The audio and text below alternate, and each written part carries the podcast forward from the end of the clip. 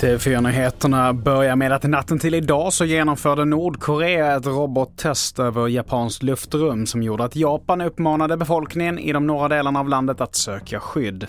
Den ballistiska roboten landade sedan i Stilla havet öster om landet. Det är den första nordkoreanska roboten som passerat över Japan sedan 2017.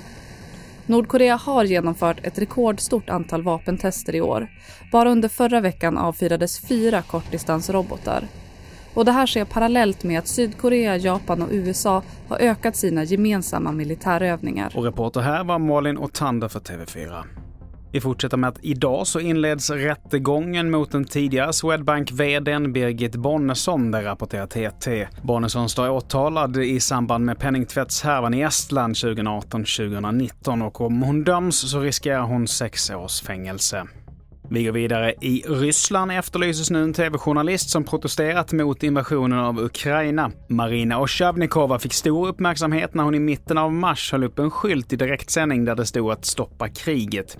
I juli stod hon med en ny skylt nära Kreml där det stod att Putin är en mördare och hon dömdes till husarrest men är nu alltså enligt ryska myndigheter försvunnen. Fler nyheter hittar du på tv4.se. Jag heter Mattias Nordgren.